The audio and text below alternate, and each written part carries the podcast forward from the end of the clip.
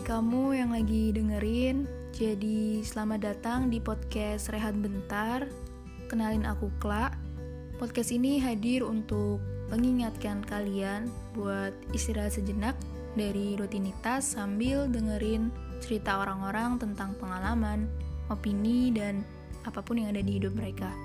Dari situ kita bisa belajar banyak hal dan sadar nggak kalian kalau mendengarkan tuh lebih susah daripada ngomong? Nggak percaya? Coba pelan-pelan kita buktiin bareng. Oh ya, terima kasih yang sekarang lagi mencoba.